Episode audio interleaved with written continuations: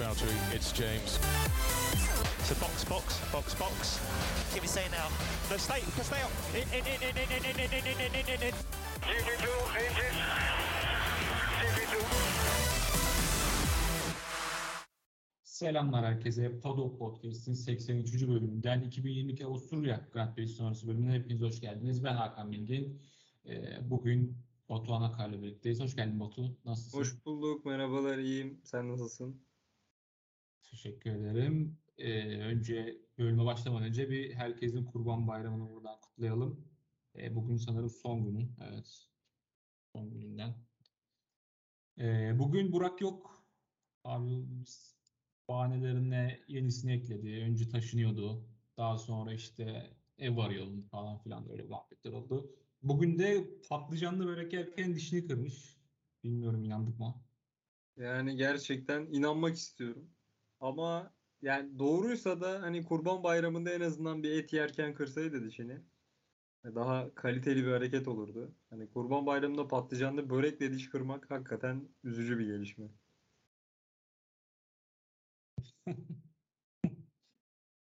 Evet. Abi e, hareketli bir hafta sonuydu. Sprint yarışının yapıldığı hafta sonlarından bir tanesiydi.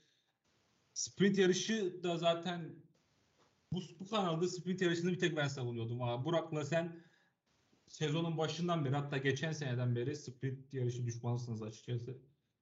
Evet. Ama gerçekten bu hafta sonundan sonra ben de sizle aynı şekilde düşünüyorum. Zaten birazdan yine e, konuşacağız ama önce sıralamalarla başlayabiliriz. Başlayalım. Sıralamalar hemen ufak bir ekranımı açayım. Hatta istiyorsan şey e, birinci antrenman seansından başlayalım. Oradan Ha, Birinci, an, birinci antrenman seansında e, tek sanırım konuşulması gereken şey Norris'in aracında bir yangın çıkmış. Bir araç alev almış. E, aynı Sainz'ın olduğu gibi yarış esnasında. Yani Bir kırmızı bayrak çıkıyor. Hani sprint yarışının olduğu haftada belki de en önemli seans birinci antrenman seansı. Hani aracı anlamak için, değişiklik yapmak için. Onda hani direkt neredeyse seansın dışında kalması Norris için büyük şanssızlık. Ki hani ama bir açıdan da Avusturya'da sık sık motor sorunu yaşandığını da görüyoruz. Biraz da şanssızlık vurdu Norris'i diyebiliriz herhalde. Ama Avusturya'daki sıkıntı rakım yüksek sanıyorum. Aynen. O yüzden motor sorunları oluyor. Ee, sıralamalara gelecek olursak Ricardo küvürde eğleniyor. Ricardo zaten McLaren bu hafta so- bu hafta sonu çok kötüydü. Ee, Ricardo zaten her zaman Norris'in arkasında ve çok kötü bir formu var. Ee, bu hafta sonu da bir farklı bir şey izleyemedik onlardan. Ee, yani artık Ricardo'nun koltuğu tehlikeye girmeye başladı. Şu an sözleşme detaylarını biraz aradım bulamadım. Senin bir bilgin varsa sen söyle istersen. Seneye Ya şöyle kontratı var mı? Hani seneye kontratı var. Bir çıkış maddesi var mı McLaren'in? O tam bilinmiyor ama hani Zac Brown her yaptığı açıklamada 2023'te devam edeceğiz diyor. Ama sürekli abi şey haberi çıkıyor. İşte Ricardo'nun yerine şu bakılıyor. Ricardo'nun yerine bu bakılıyor. Hatta bir ara şey haberi çıktı. Hani McLaren Ricardo'ya IndyCar'a geçmesini teklif edecek falan diye haberler çıktı. Yani çok normal olarak McLaren memnun değil. Ve hani muhtemelen McLaren'in içindeki herkes yani şu Ricardo'dan çıkalım hani bu kontrattan kurtulalım diyordur. Ama hani bunu yapabilecekler mi? Bugün bunun ekonomik karşılığı ne olacak? Yani o belli değil. Ve mesela Zac Brown yarış sonrası şey demiş. Hani işte Ricardo ile devam edeceğiz ama işte istediğimiz seviyeye çıkmamız lazım. En azından Lando Norris gibi sürmesi lazım falan demiş. Yani baskı da iyice artıyor ve takıma da bir şey diyemiyorum yani abi şimdi duruma bakarsan hani hakikaten yani Ricardo'nun kendisini toparlaması lazım ama hiç ümit vermiyor ya. Yani senin bir beklentin var mı mesela Ricardo'nun eskisi gibi geri döneceğini düşünüyor musun? Ben Ricardo'nun eskisi gibi geri döneceğini düşünüyordum. Geçen sene düşünüyordum. Geçen sene sezonun başları çok kötüydü Monza'ya kadar. Monza'da geri döndüğünü düşündük. Fakat yani e, dönmedi. Araca alışamadı diye düşündük ama yani bu ikinci senesi artık öyle bir bahanesi de yok. Yani bundan sonra işi çok zor ya. Sezonun geri kalanında çok büyük işler yapması lazım ki gerçekten geri döndüğünü kanıtlayabilmesi lazım. Hatta yani bazı isimler Fetel ismi falan geçiyor. Yani tabii bu çok erken bunları dedikoduları yapmak için ama seneki koltuğu bayağı sallantıda. Abi- gelecek olursak ekstra söyleyeceğim bir şey yoksa. Ha, tek şunu söyleyeyim. Yani Ricardo'nun koltuğu için Oscar Piastri'nin adı geçiyor. Evet. E, Vettel geçiyor. İşte bir, bir iki IndyCar sürücüsü var Amerika'da. Onların ismi geçiyor. En son Alonso'nun bile ismi geçti. Yani öyle bir koltuk ki hakikaten herkesin ismi geçiyor ve Ricardo oradan gönderilirse koltuk bulması da bayağı bir zor olacak. Onu söylemek istemiştim. Yani ya emekli olması ya da bir Formula 1 ara vermesi gerekecek ya da başka serileri geçmesi gerekecek. Evet ya göreceğiz. Q2'de Perez'in kendisini Q3'e taşıyan turunda pist limitlerini aştığı için bir inceleme altına alındı. Ee, ve bu bu şeyden seanstan sonra inceleneceği açıklandı. Sen bu durum hakkında ne düşünüyorsun? Abi şöyle ben seans sırasında direkt bizim gruba mesaj attım. Ya dedim bu Perez dedim nasıl ceza almıyor? Yani nasıl silinmiyor turu? Çünkü abi şimdi ben çıplak gözle izlerken herkesin turuna çok dikkat ettim gerçekten. Çünkü sürekli tur siliniyordu. Hatta belki de abartılı derecede siliniyordu.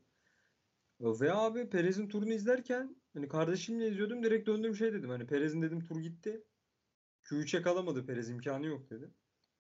Herkesin turu tek tek silinirken bir anda abi dediler ki Perez'in turunu yarıştan şey sıra seanstan sonra inceleyeceğiz. Ya bence büyük saçmalık. Bir daha burada zaten sensör bakmıyor mu duruma? Yani hani sensörün verdiği veriye göre turu silip silmiyorsan orada niye Perez'in turu silinmedi direkt ben anlamadım açıkçası. Bu bir de bu e, bu hafta sonu bu pist limitleri neden bu kadar çok telaffuz ediliyor? Neden bu kadar bu hafta sonu sorun oldu? E, bunu biraz konuşabiliriz. Şimdi Avusturya pisti takvimdeki en az viraja sahip pist. 10 virajı var ve çok kısa bir pist. Yani zaten tur sürelerinden bunu Evet. işte Formula 1 fanları da anlar. 1.04'ler, 1.05'ler atılıyor. Ee, çok az, çok düzlük var. 3 tane DRS noktası var. Çok az viraj var. Ee, ve yani diğer pistlere göre daha basit bir pist diyebiliriz. Sadece böyle sonuna kadar aracınızı zorladığınız, sadece pist limitlerini size engel olduğu bir yer. Bir pist. Yani bir yandan da ama hataya çok müsait bir pist. Hani Evet, evet, evet. çıkma olsun şey hani böyle enteresan dengesi olan bir pist. Aracınızın limitlerini çok iyi bilmeniz gerekiyor. Yani bu pistte başarı almak istiyorsanız. Mesela ben bu hafta sonu F2'yi de biraz takip ettim. F2'de mesela yanlış hatırlamıyorsam e, işte Cem'in takım arkadaşı Fittipaldi 5. bitirmişti o yarışı. Zaten biraz Evet. önce böyle kayıttan önce seninle de konuşmuştuk. E, podyum aldığını söyledi. ikinci bitirmiş. Çok fazla böyle cezalar, e, siyah beyaz bayraklar çıktı. F2'de de çok fazla bu olay oldu. Zaten böyle yarışı konuşurken de konuşacağız. F1'de de yine çok sayıda siyah beyaz bayrak gördük. Peki bu e, Perez'in olayı seans esnasında kısa bir sürede neden incelenmedi? Bu çok saçma. Gazi'nin burada Q3'e kalması engellendi. Gazi mesela 10'uncuydu. 11.ydi pardon 10. olacaktı ama bu Q3'te de 10. son sırada olacağı anlamına gelmiyor. Q3'te mesela Tabii. daha bütün turu böyle her şeyi daha fazla bir yere, daha iyi bir yere getirirse daha 7. 8. daha iyi bir yerde olabilirdi. Gazi'nin biraz burada hakkı yendi. Abi yani 11. sıradaki atıyorum Sainz olsaydı ne olacaktı? Verstappen olsaydı ne olacaktı? Yani bunu ha işte Gazli bir şey olmaz deyip geçilecek bir konu değil yani bu. Ha belki de abi hiçbirimiz bilmiyoruz. Belki de Pierre Gasly çıldıracak, pol alacaktı yani.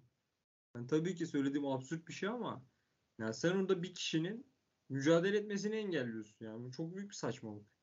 Ve kimse de konuşmadı yani bunu. Ben onu da anlamadım. Bence çok büyük bir eyyam döndü yani orada. Ya bu nasıl konuşulmaz anlamıyorum abi. Çok büyük bir hata ya. Bunu artık FIA'nın direkt karar vermesi lazım yani. Yani bu sporda teknoloji bu kadar ilerlemişken böyle bir hatanın olması bence komik. Ya şunu da söylemek istiyorum. Pist sınırları ile ilgili. Abi hani ya tabii ki bazı sınırlar olacak ve dikkat edilmesi gerekecek ama ben bu hafta sonu olanların gerçekten biraz abartılı olduğunu düşünüyorum. Yani hem bir F1'de hem F2'de yani çok acayip şeyler oldu abi. Sürekli birileri ceza alıyor. Sürekli pilotlara uyarı geçiliyor. 43 defa yarış sırasında şey yapılmış. Pilotlara e, uymadıkları için uyarı mesajı falan gitmiş. Ve pilotlar da şey diyorlarmış yani ulan hani bu kadar da olmaz. Hani yarışamadık ne yapıyorsunuz siz falan demişler. Yani bilmiyorum biraz abartı oldu bence. Bu kadar olmaması lazım. Hani çok absürt şeylerde hani olabilir ama ya da hani bu bazı pistlere özel artık kural mı yumuşatıdır bilmiyorum yani. Yani çok sıkıcı değil miydi abi? F2 yarışını izledim ben de.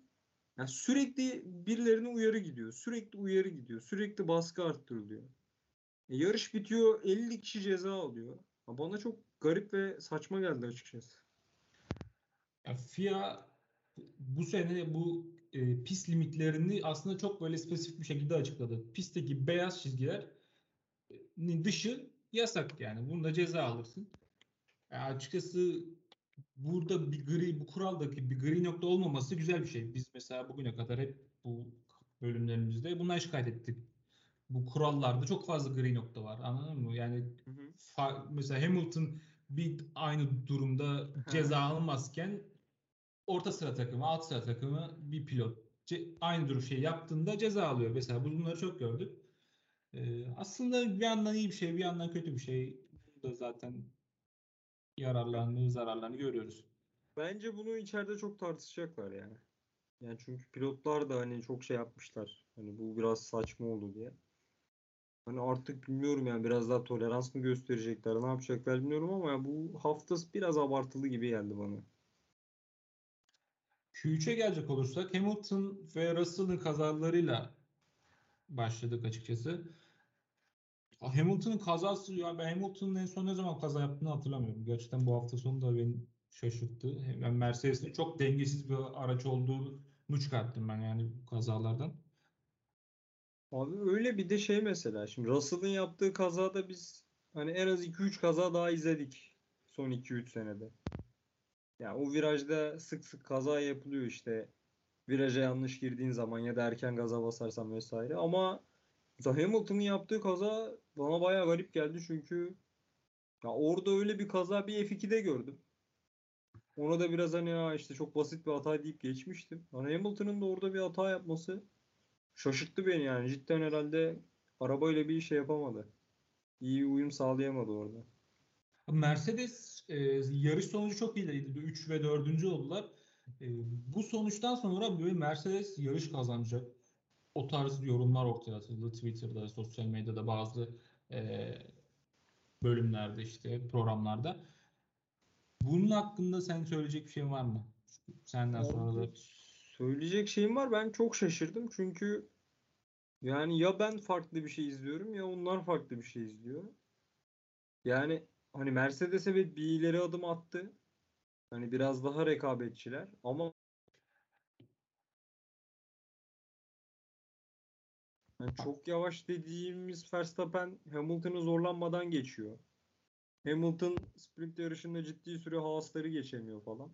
Yani nasıl Mercedes çok büyük ilerledi falan ben anlamadım açıkçası. Yani sprint yarışını da izleyenler bilirler. Hamilton Mick Schumacher'i geçemedi. Mick Schumacher önündeki ke- takım arkadaşı Kevin Magnussen'den hep DRS alıyordu Hamilton'a savunma yapmak için. Ee, ve Hamilton onu geçemiyordu. Hiç o, ka- o kadar hızı yoktu. Yarış temposunda o kadar iyi değildi. Yir- Sondan iki tur önce yanlış hatırlamıyorsam Magnussen'le Schumacher arasındaki fark bir saniyenin üzerine çıktı ve e, Mick Schumacher işte DRS alamadığı için Hamilton'a geçirdi. Yoksa geçilmeyecekti. Evet. Daha sonra yarışta da bu e, Haas'larla Hamilton'ın kapışmasını gördük. Yani hızlı değiller. Yani Haas bu hafta sonu hızlıydı, iyiydi ama yine de sen Haas'la yarışıyorsun. Haas'la yarışan, Haas'la kapışabilen bir takım. Yani yarış nasıl Yarışta kazanacak? konuşuruz. Çok büyük bir soru işareti. Çok garip bilmiyorum. Evet Verstappen pol, pol, e, poldeydi. Çok yakındı. Çok yakın Verstappen, Sainz ve Leclerc çok yakın turlar attılar. Ee, ve Verstappen pole alamıyordu az kalsın. İlk e, pol turunda, pole aldığı turunda ilk iki sektörde sarı turla, sarı dereceler aldı. Son sektörde toparladı. Zaten e, dereceleri çok yakındı. Ben şöyle küçük bir bilgi vereyim mi? Tabii abi. Abi son viraja Verstappen Sainz'dan da Leclerc'ten de geride girmiş. İnanılmaz. Son virajda almış abi pole adam. Şaka gibi ya. Evet. Sprint yarışı. Sprint'e geçebiliriz. İkinci antrenmanlar var değil mi sprintten önce? Aynen. İkinci, ikinci antrenmanlarda sanırım çok konuşacak bir şeyim yok. Yok abi herkes lastiklere baktı. Sprint yarışı bu sezonu Formula 1 daha eğlenceli hale getireceğini düşündü, düşünen, düşünülen bu format bence bu hafta işe yaramadı açıkçası. Sprint'in işte yarışın başına bakalım. Ee, Alpin mekanikerleri formasyon turu öncesinde Alonso'nun aracını abi sehpadan indirmeyi unuttu. Bir de lastik, lastiklerdeki battaniyeler bunları çıkartmayı unutmuşlar. Yani bu nasıl olabilir? Abi bir Twitter kullanıcısı şey yazmış. Ben harbiden ona ikna olmaya başladım yani. Ya diyor Alpin diyor Alonso'dan çıkmak istiyor. Ve Alonso'yu yollarlarsa çok tepki çekeceği için hani Alonso'yu bıktırıp gitmesini sağlamaya çalışıyor falan yazmış. Yani hakikaten ben de artık o noktaya geldim. Abi bu nasıl bir hata ya? Ya siz ne yaşıyorsunuz beyler içeride ya? Ulan bir tane aklı çalışan adam yok mu bu takımda ya? Şimdi orada kaç aşağı yukarı bir 20 tane on- 15 tane falan bir Alpin mekanikeri vardır yani o gridde kenarda. Abi bir kişi bile edemedim ya. Biz bunları niye çıkartmıyoruz? Bak bütün takımlar yapıyor. Her yarışta bunu yapıyoruz. Yıllardır bunu yapıyoruz. 1950'den beri bu yapılıyor. Yani biz bunu neden yapmıyoruz diye bir kişi de sormadı. Bence de yani komple teorilerini ben çok sevmem açıkçası. Ama o arkadaşın attığı tweet çok da mantıksız değil. Ee, Alpin yönetiminde böyle bir düşünce olabilir. Zu da bu arada sorun yaşadı. O da bir kalkamadı falan yavaşladı bir şeyler oldu. O pit yoluna mı girmişti daha sonra? Aynen. Ekstra formasyon turu attırdığı için o da pitten başladı. Abi yani enteresan ya bu sezon garip garip şeyler yaşıyoruz yani garip hatalar var. Çok olmayan şeyler. Ama bak o da çok bahtsız mesela. O da biraz Alonso gibi yani. Çocuk sürekli ya yarış dışı kalıyor ya böyle saçma sapan olaylar yaşıyor. Evet. Sprint'te Perez geriden başladı. Biraz önce bahsettiğimiz sebepten. Ve Verstappen yani Ferrari'lerin önünde tek kaldı. Yani Ferrari'ler şimdi mantıken Ferrari'ler ne yapması gerekir diye bana sorsanız iki Ferrari bence Verstappen'e odaklanmaları gerekir ama Ferrari'ler böyle yapmadı. Birbirleri arasında kapıştılar ve lastiklerini ve bu şekilde bitirdiler. Ee, ilk virajda Sainz Leclerc'e atak yapıyor ve daha sonra dördüncü virajda da Leclerc tekrar atak yapıp Sainz'i tekrar geçiyorlar. Ve bu ikisi ikili yine kapışmaya devam ediyor. Yani Britanya'dan da aşina olduğumuz gibi. Van, ne düşünüyorsun sence? Ya bence mantıklı olan takım emri vermekti ama muhtemelen Silverstone sonrası da takım içi de biraz gerildiği iddia ediliyor. İşte Leclerc, garajın Leclerc tarafındaki çalışanların Sainz'ın kutlamalarına katılmak istemediğine dair vesaire haberler çıktı. Bence orası iyice gerginken biz bir takım emri falan verip yine ortamı germeyelim. Hani önde kalabilen önde kalsın diye düşündüler bence. Hani o yüzden karışmadılar gibi geldi bana. Sence Ferrari bu sene ne istiyor? Ferrari bence bu sene e, pilotlar şampiyonluğunda dair hiçbir umutları yok. Ya, umutları yok dediğim o alanda yarışmıyorlar. Bunun belki gelecek senelerde böyle bir hedefler var. Ama bence mesela yani şu anki davranışları takımlar şampiyonluğunu da yani kazandırmaya yetmiyor yani bu mentaliteler. Yani iki, çünkü şöyle iki pilotunuzu savaştırırsanız bunların kaza yapma riskleri var. İkisinin birden yarış dışı kalma riski var. Bence Sence ne amaçlıyorlar? Bence Ferrari de tam olarak bence ben şey söyleyeyim, Bence Ferrari ikinci olmayı amaçlıyor. Hani Leclerc ikinci olsun. Biz takımca da ikinci olalım. Bize yeter diyor bence bir nokta yani. Ben öyle düşünüyorum. Bu sporun en kült takımı yani olmazsa olmaz bence tek ta- en büyük takımı yani sence ikincilikle mi bu kadar hızlı bir araca sahipler? Abi bak Monaco'da Leclerc'i yediler. İspanya'da Leclerc birinciydi motor gitti. Bakü'de iyiydi yolda kaldı. Yani aslında biraz dayanıklı araç yapsalar Leclerc zaten şampiyona birincisi olacak. Ya bence kafaca direkt Leclerc'i birinciliğe oynatmaları lazım. Ama yok yani öyle bir düşünceleri yok şu anda. Bilmiyorum ne hissediyorlar. Bak şeyi çok merak ediyorum. Bu Silverstone sonrası Matteo Binotto Monaco'ya gidip Leclerc'le akşam yemeği yedi. Ne konuştular acaba değil mi? Abi gerçekten ne konuştular çok merak ediyorum ya. Hakikaten Yok yani bir tane delikanlı garson Ha. kulak misafir. Ya ne dediler abi yani ne dedi Binotto mesela yani hani ya bu sene sabret dayanıklılık sorununu çözeceğiz seneye bizim senemiz olacak falan mı dedi. Lan hakikaten öyle, çok öyle bir şey derse Allah saç, saçmalamış olur. Çünkü 2019 2020, 2021, 2000, 2019 hadi geçtim. 2019'da ikinci yarısında yaz arasından sonra rekabetçi bir arabaları vardı. Ama 2020 ile 2021 iki yıl bu adam sabretti. Abi hele 2020 tam bir felaket ya. Tam bir felaket. Tam, tam bir felaket yani. Abi bu Binotto yani bu her şeyi diyebilir yani. Evet evet. Daha sonra Albon Vettel teması var. Ee, ve başka sprintle ilgili söyleyebileceğimiz Hamilton ve Haas'ların mücadelesi var. Biraz önce de bahsettiğim gibi. Ya sprintle ilgili şundan bahsetmek istiyorum abi.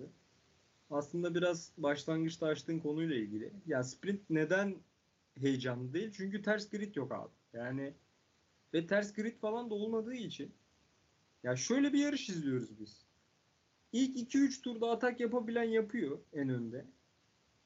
Geçemiyor mu? Ya diyor şimdi zorlayacağım arabayı, kaza yapacağız, arkaya düşeceğiz yarışta. Hiç gerek yok buna diyor. Herkes güvenli bir şekilde devam ediyor yoluna. Hani sadece işte Perez gibi, Hamilton gibi normalde başlaması gereken yerden geride başlayanlar hasarı azaltıyor. Bu yani. Sprint sıralamalarda herhangi bir hata, stratejik bir hata vesaire pilotaj hatası bu sebeplerden e, geride başlayan ön sıra pilotlarının e, biraz kendilerini düzeltmek için daha iyi sırada Yani. başlayabilmek için yapılmış format gibi gözüküyor artık. Abi bak şöyle bir şey söyleyeyim. Sprint yarışı bitti. Şimdi sprint yarışında Leclerc Verstappen atak yapamadı. Yani fark böyle 2-2,5 saniyede falan durdu yani. Abi Leclerc yarış sonu dedi ki yarın kazanabiliriz dedi. Hızlıyız. Ya şimdi mantıken baktığın zaman ulan lider adama atak yapamamışsın. Hani ne alaka diyorsun. Ama abi aslında adamın söylediği şeyi pazar gününe kadar doğru olduğunu görüyoruz yani. Aslında adam Hani belki de bir puan için çünkü birinci 8, ikinci 7 puan alıyor. Ulan hiç de değil Verstappen'e bulaşmayayım yani. Kaza Bu- yapma riskini almak istemedi. Bu yani. olay mesela Sainz'da bu ikili mücadeleleri bittikten sonra artık Sainz'de lastik koruma moduna geçtikten sonra e, tam olarak o ara Verstappen ile Leclerc arasındaki fark 3 saniyeydi. Ve sanıyorum sprint sonrasında yarışın sonrasında e, bir buçuk saniye olması lazım Leclerc Verstappen farkı. Yani temposu daha iyiydi Leclerc'in. Ki Red Bull tarafı da şey demiş pazar gününden sonra. Ya demiş biz hani sprintte şeyi gördük demişler. Hani Ferrari lastiği daha iyi kullanıyor. Yani yarışın bizim için zor geçeceğini düşündük falan demişler. Yani aslında her şey ortada abi. Yani sprint yarışında atıyorum birinciye 10, ikinciye 5 puan falan verecek olsalar belki de Leclerc deneyecekmiş yani şansını ama yani 1 ile 2 arasında sence bir puan olduğu için o riske girmeye değmiyor yani. Hani startta falan geçtin geçtin yoksa herkes tamam deyip kabulleniyor yani ön tarafta. Evet yarışa geçelim istersen. Geçelim abi. Bir yarışta e,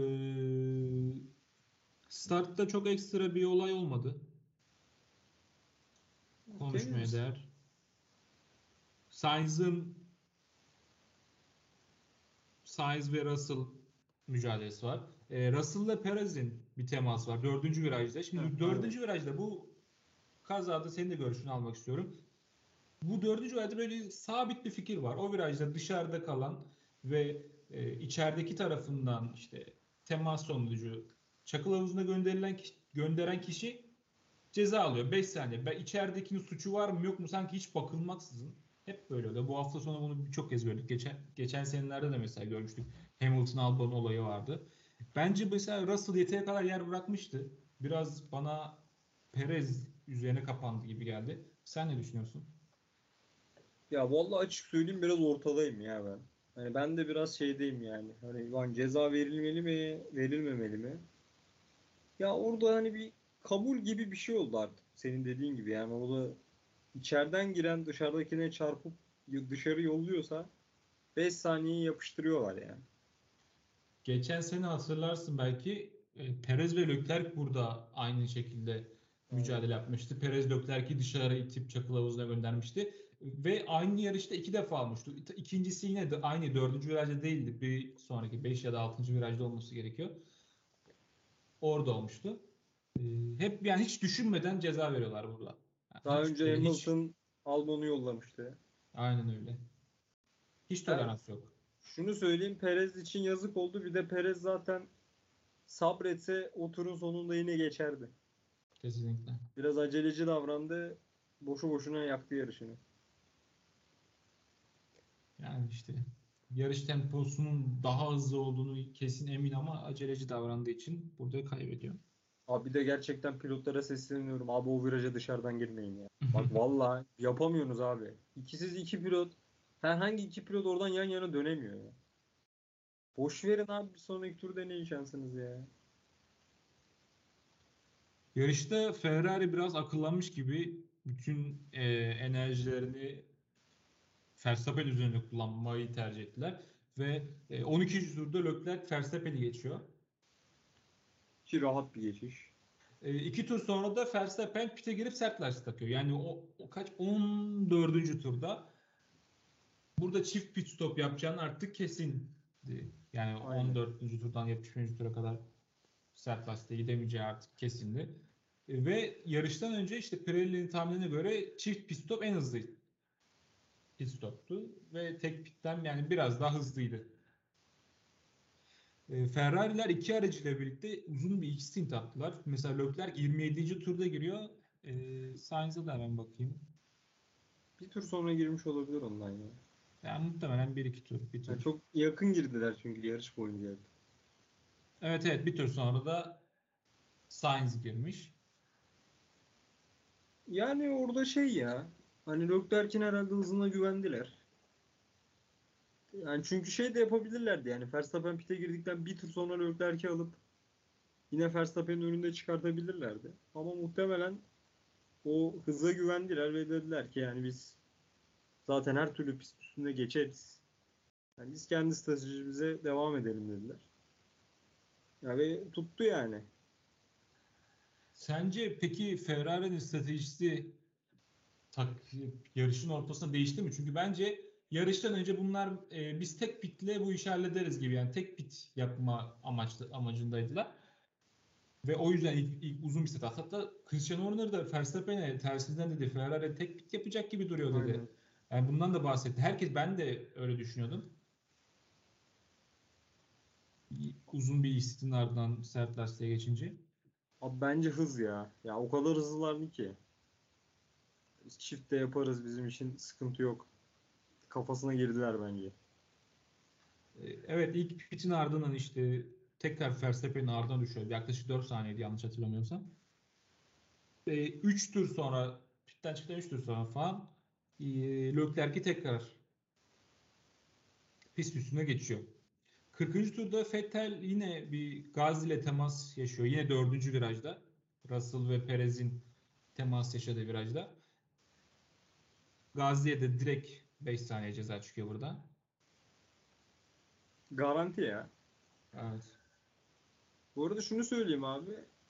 Yani Leclerc yine güzel geçti. Çok hızlı geçti. Bir de abi inanılmaz bir çekiş farkı var ya iki araç arasında. Yani düzlükte hızlı olan takım Red Bull.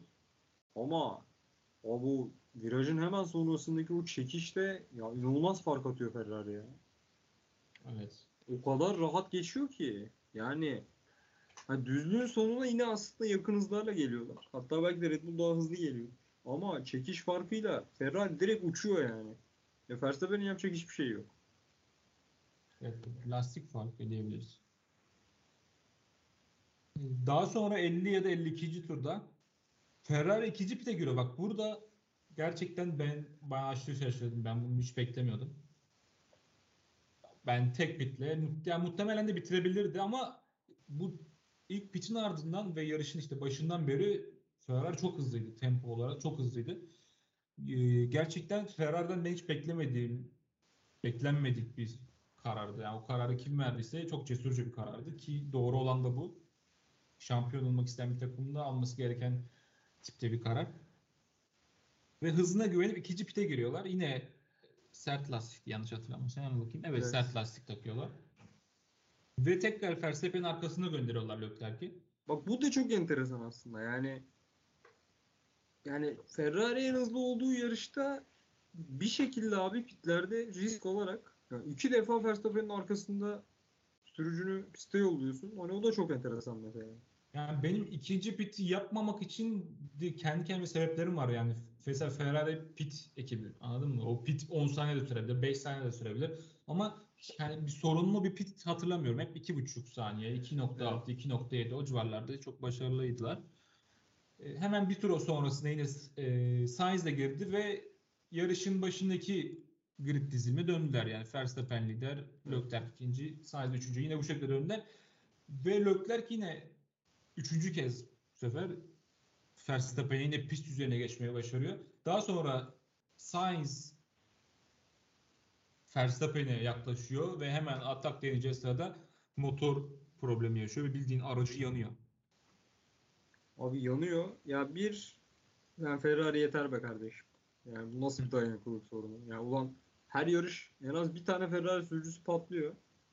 Ki yarış sonu Magnussen şey demiş. Ha, motorun patlamasın diye dua ettim falan demiş yarış boyunca. Yani onda da sıkıntı varmış. Abi Ben ikincisi... bu Söyle. Yok sen söyle. Bu mesela e, ilk serbest antrenmanlardaki Norris'in sorunuyla ben mesela bunu onu burada konuşmak istiyordum. Norris'in sorunuyla bunun Sainz'ın aracındaki ikisi de alev alıyor. İkisinin de sebepleri aynı mı acaba? Bir ortak sebepleri var mı? Abi Ferrari çözemiyor ki sorunu. Yani sorunu Yoksa bulamıyor daha doğrusu. yoksa tek sorun rakım mı yani? Yüksek rakım da bunu alır ama tabii Honda motoru, Mers Honda motoru, Alpine motoru da bir sorun çıkmadı. Ya Ferrari motorunda sorun var abi yani ve hani her pistte farklı sürücüler de yaşıyor bu sorunu. Ve hani gerçekten bulamıyorlar da bazı sorunları. Yani işte o Monaco'da Leclerc'in yaşadığı sorunu mesela Günter Steiner şey dedi hani bize dedi bir şey bulduklarını söylemediler dedi. Hani bulamamışlar falan dedi. Yani çok sıkıntı abi bu, bu- bunları bulmanız lazım. Yani bak Red Bull iki günde halletti abi. Bahreyn'de falan motor patlattı iki tane. Bir şekilde çözdüler abi hemen. Ya Ferrari'de sürekli sorun çıkıyor. Sezonun yarısına geldik. Leclerc dördüncü motoru kullanıyor. Hani büyük sıkıntı. Ee, pit, gö- pit görev şey pist görevlileri çok yavaş müdahale ettiler. Pist görevlileri orada mesela bir tane pist görevlisi sen de Instagram'dan paylaşmışsın.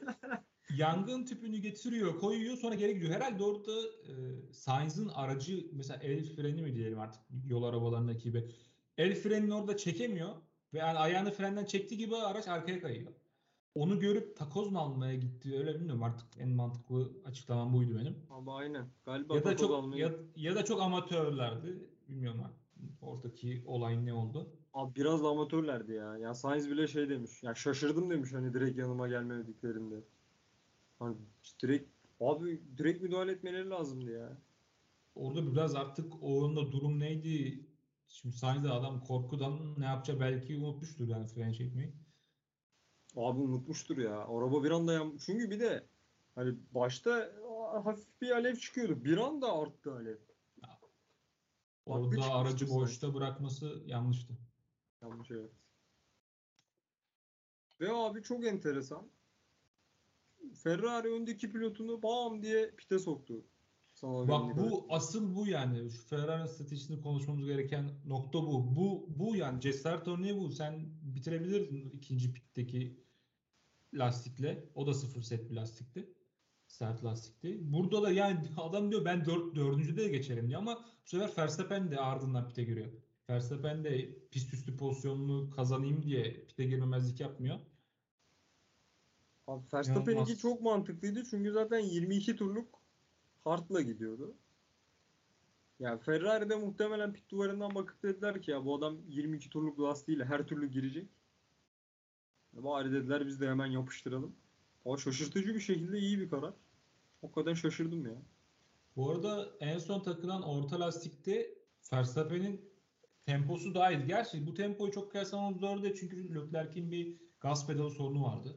Abi Ona rağmen inanılmaz. yakınlardı. Abi gerçekten çok acayip ya. Yani Ferrari öyle bir takım ki rahat bir şekilde 1-2 bitireceği bir yarışta bir aracı yanıyor. Diğer aracının gaz pedalında sorun çıkıyor. Yani bu nasıl bir yapım hocam ya? Bu nasıl bir kalite kontrol ki? Ya gaz pedalında sorun çıkması ne demek ya? Gaz pedalı takılı kalıyor. Ya telsiz konuşmaları falan da böyle şey gibi hissettim ya. Hani 50'lerde 60'larda yarışan bir pilotmuş gibi hissettim. Yani şey falan diyorlar işte. Ayağınla gaz pedalını kaldırmaya çalış. Abi bu adam 300'e viraj dönüyor yani. Vallahi çok Abi, garip. Bu sorunu mesela tam bilmeyen takipçilerim için de biraz açıklayayım. Mesela şöyle anlatayım. Gaza basıyorsunuz, ayağınızı gazdan çekiyorsunuz ama tamamen çektiğiniz halde bile hala biraz sanki ara- araç gaz veriyor. O artık e, nasıl bir teknoloji var orada bilmiyoruz ama öyle bir sorun var. Mesela yani araç kullanan takipçiler bilir. Mesela gaza basarken vites değiştiremezsiniz. Tabii yol araçları ve işte Formula 1 araçlarının teknolojileri çok farklı ama ya onu idare etmesi çok zor. Yani her mesela 3. virajı dönerken 3 ya da 4. virajda Leclerc telsizden de bahsetmişti. İnanılmaz zor. Dönemiyorum falan diye böyle yakarışı vardı Leclerc'in. Abi bir de öyle bir sorun ki şimdi hem seni psikolojik olarak etkiliyor. Yani çünkü ciddi bir problem bu. Bir de sürekli abi hani ayağınla kontrol ediyorsun. Birkaç görsel var işte araç üstü görüntüde. Leclerc freni fulllemiş. Hala gaz kısmında hani biraz araç gaz veriyormuş gibi falan gösteriyor. İkinci Leclerc de bahsetti şey hani vites düşüremiyor adam. Hani vites düşürmekte sorun yaşıyorum diyor. Çünkü araç hani gaz vermeye Gaz devam veriyor ediyor. yani. Ve hani şey falan diyor telsizde. Ya ulan benim diyor burada ne yaşadığım hakkında hiçbir fikriniz yok sizin falan diyor. Ya hakikaten acayip ya. Ya bu çocuk abi gerçekten rahat kazanabileceği yarışlarda problem yaşıyor ya. Ben Bu adam böyle bir şey cenabet. görmedim. Gerçekten. Ce- cenabet yani. Yani Ferrari hiçbir ile birleşince inanılmaz bir şey çıkıyor ortaya ya. Bu Alonso'nun durumunu biraz açıkla. Orada e, sanal güvenlik aracında çift pit stop yaptı sanırım. Onu ben tam hatırlamadığım için sen bahsetmiştin. şeyler deniyor ya. Abi adam pite geliyor. Ve yarışı da çok iyi götürmüş o ana kadar. Abi pite geliyor çıkıyor. Yani muhtemelen lastiği düzgün takamadıkları için acayip bir titreşim olmuş araçta. Ve bir sonraki tur tekrar pite gelmek zorunda kalıyor. Alonso yeni lastik takıyorlar. Ve Alonso 19. sırada başladığı yarışta 6. olabilecekken 10. oldu abi. Ya kardeşim zaten adamın şeyde içinden geçtiniz. Ee, sprint yarışı öncesi. Adam da burada yırtındı başarılı olmak için. Lan burada da bir tane lastik takamadınız ya. Harbiden yuh diyorum size ya. Çok şanssız ya gerçekten.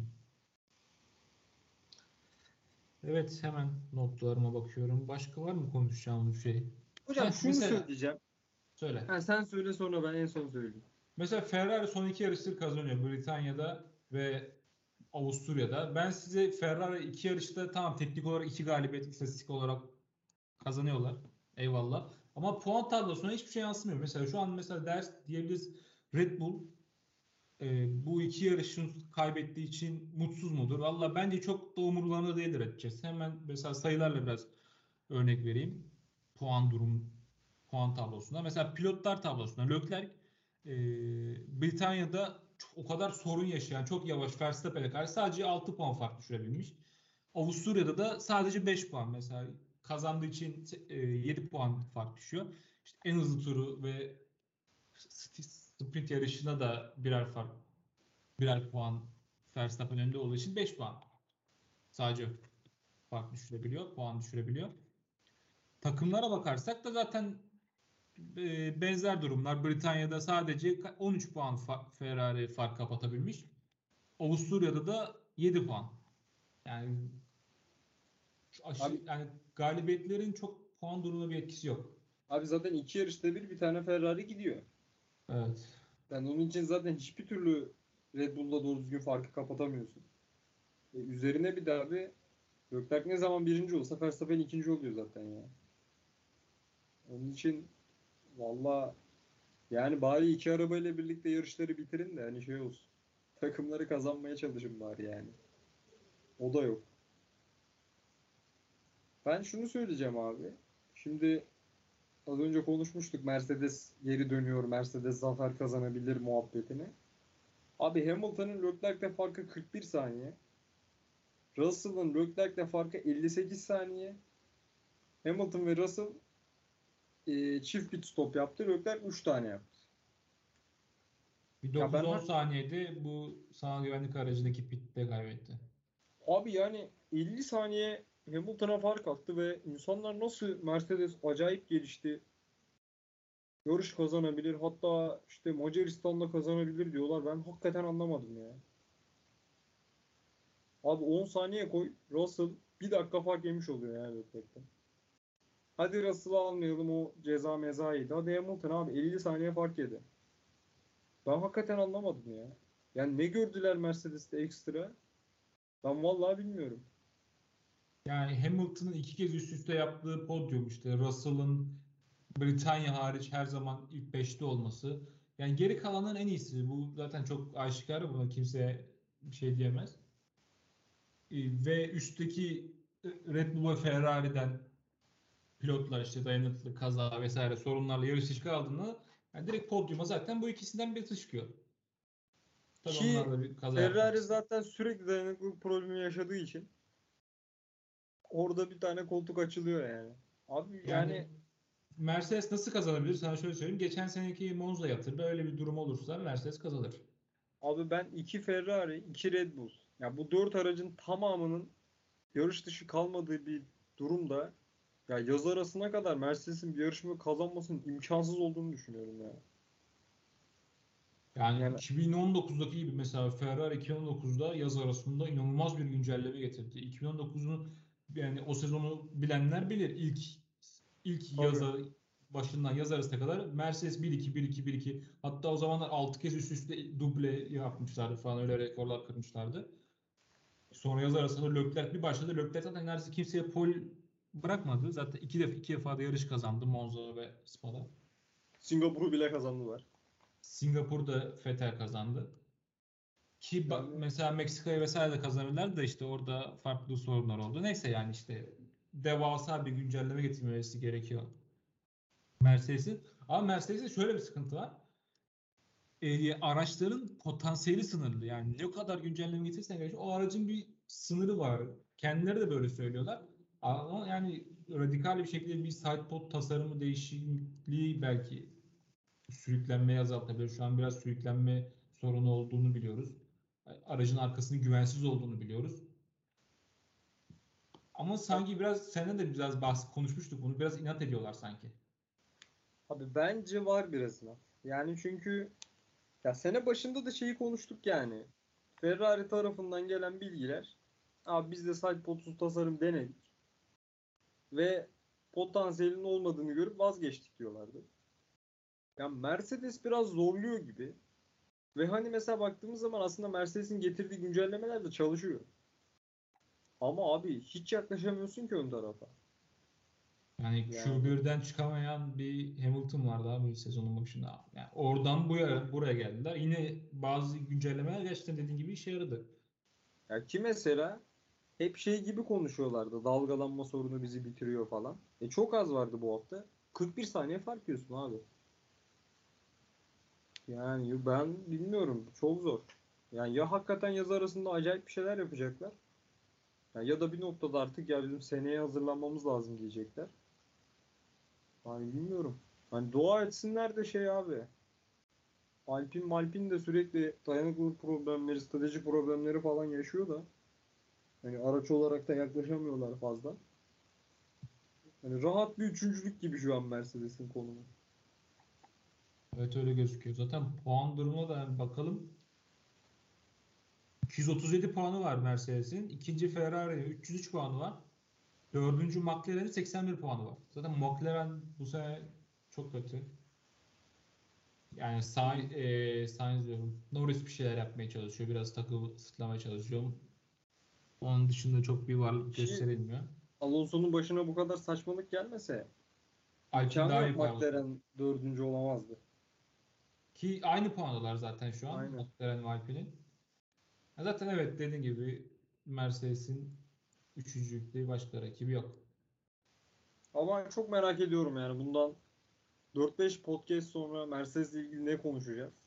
Ben çok merak ediyorum. Ben ihtimal dahi vermiyorum. Şu anda gördüğümle ve hani gerçekten bilmiyorum abi. Herhalde yani saygısızlık yapmak istemem ama herhalde skor yorumculuğu gibi bir şey yapıyorlar şu an yani. Abi Mercedes Abi Mercedes hangi podyumu araç hızıyla hak etti ki ya? Bu sene yaptı. Neredeyse hiçbir abi. Hani yanlış anlaşılmasın şey demiyorum ya. Adamların yaptığını küçümsemiyorum. Yani abi neredeyse hiç yarış dışı kalmıyorlar. Dayanıklılık sorunları yok ve hani bu gerçekten çok önemli. Ama abi her podyuma çıktıklarında Red Bull ya da Ferrari'den en az iki tane pilot bir şekilde ya yarış dışı kalıyor ya başlarına bir şey geliyor. Ya hakikaten ben çok zor görüyorum ya. Bence ya olumlu bir tablo göremiyorum yani Mercedes'le ilgili. Evet dediğin gibi yani liderliği oynayan takımlardan birinin illaki bir kaza yapması vesaire gerekiyor. Hocam Ama bir- onların da yani bu seneyi bu seneyi en düşük en az zararla kapatmaların bu yani böyle olması gerekiyor. Adamların hedefleri de bu. Bence mu- mutsuz değillerdir yani. Abi bence eğer potansiyel olarak gerçekten bu araba düşükse ya şu an alabilecekleri maksimum verimi alıyorlar ya. Yani bundan Kesinlikle. daha iyi bir senaryo yok abi Mercedes için. Yani liderden 40 saniye fark yediğin bir yarışı 3-4 bitiriyorsan ya başının üstüne koyarsın yani. Peki çok kısa senden önümüzdeki yaz arasına kadar Fransa ve Macaristan'la ilgili birkaç tahmin yapmanı isteyeceğim ve sonra yavaştan kapatalım. Çünkü uzun bir bölüm oldu. Çok küçük şunu söyleyeyim. Önce Mick Schumacher çok iyiydi. Haas'ı da konuşacaktık. Evet ama şu an bölümün sonlarına doğru geliyoruz. Abi Mick'i Bir saate tebrik ediyorum. çünkü. Mick hani gerçekten burada biz de yerden yere vurduk. Yalan yok. Ama gerçekten çok kaliteli iki hafta sonu geçirdi. Bu hafta özellikle çok iyiydi. Hani böyle 2-3 hafta sonu daha geçirirse gelecek sezon için hastaki yerini garanti altına alır. Ya umarım da geçirir. Çok isterim geçirmesini. İçimdeki gücü, içimdeki ateşi ne keşfettim dedi yani artık belki yani tabii Haas da şu an iyi bir aracı var. Ya beni mesela şey çok etkiledi. Ocon şey demiş. Ya Schumacher çok hızlıydı. Ve o o kadar hızlı olduğu için ben sürekli tetikte kalmak zorunda kaldım demiş yarış sonrasında. Mesela o önemli bir açıklama. Yani bir rakip pilotu hani adamın ne kadar hızlı olduğundan bahsediyor. Vallahi umarım böyle devam eder. Yani ben çok başarılı olsun isterim abi Schumacher ya. Herkes ister. Ee, tahmin için abi şöyle ya şimdi bu Red Bull'un son güncellemelerinin ardından Red Bull tekrardan araç olarak ağırlaştı deniyor. Biraz yavaş kalması da buna bağlanıyor. Ya bir kere bence Avusturya'daki kadar yavaş kalmayacaklar diye düşünüyorum. Ama ya bunu demek ne kadar şey bilmiyorum. Ha Ferrari'ye çok da güvenmiyorum da bana sanki Ferrari böyle iyi bir iki hafta sonu geçirecek gibi geliyor ya. Yani Ferrari'nin daha önde olduğunu düşünüyorum şu anda. Yani Fransa ve Macaristan'ın çok sıkıcı bir iki pist olmasının dışında bir ortak özelliği daha var. Çok fazla viraj var. Yani mesela Macaristan'da start finish düzlüğü dışında bir yerde geçiş çok zor yapılıyor. Belki ikinci virajda, üçüncü virajda yapılabilir. O da çok zor ya. Orada da çok Evet zor. o da çok zor. İşte ama yani düşük bir ihtimal. Yapıldığını gördük önceden. Yani belki orada yapılabilir. Fransa zaten izlemesi ben yani şu griddeki yani Monaco'dan bile sıkıcı bir pist. Ee, ve çok fazla viraj var ve e, Ferrari'nin yavaş virajlarda ve orta hızlı virajlarda Red Bull'dan hızlı olduğunu biliyoruz. Ve Red Bull'un bu getirdiği son güncellemeden sonra daha da ağırlaştığını biliyoruz. Bu minimum ağırlık e, sınırının 10 kilo üstüne çıkmışlar. Yani aşağı yukarı bir 5 kilo üstündelerdi. Bir de 5 kilo daha ağırlaşmış bu araç. Ki 5 kilo çok ciddi bir rakam. Yani ben de bir dayanıklılık sorunu olmadığını varsayarsak Ferrari ikisine de çok avantajlı gibi geliyor.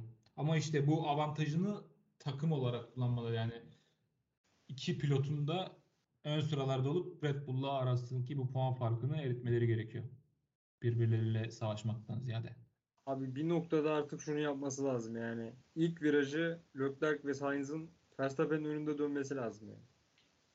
Yani bunu yapmaları lazım bir şekilde yani. Abi Hani sıralamada kim öndeyse, gridde kim önde başladıysa bir zahmet ilk virajı o önde dönsün. Ya da ya sa- tabii çok bir kötü kalkış vesaire o tarz durumlar olmadığı sürece.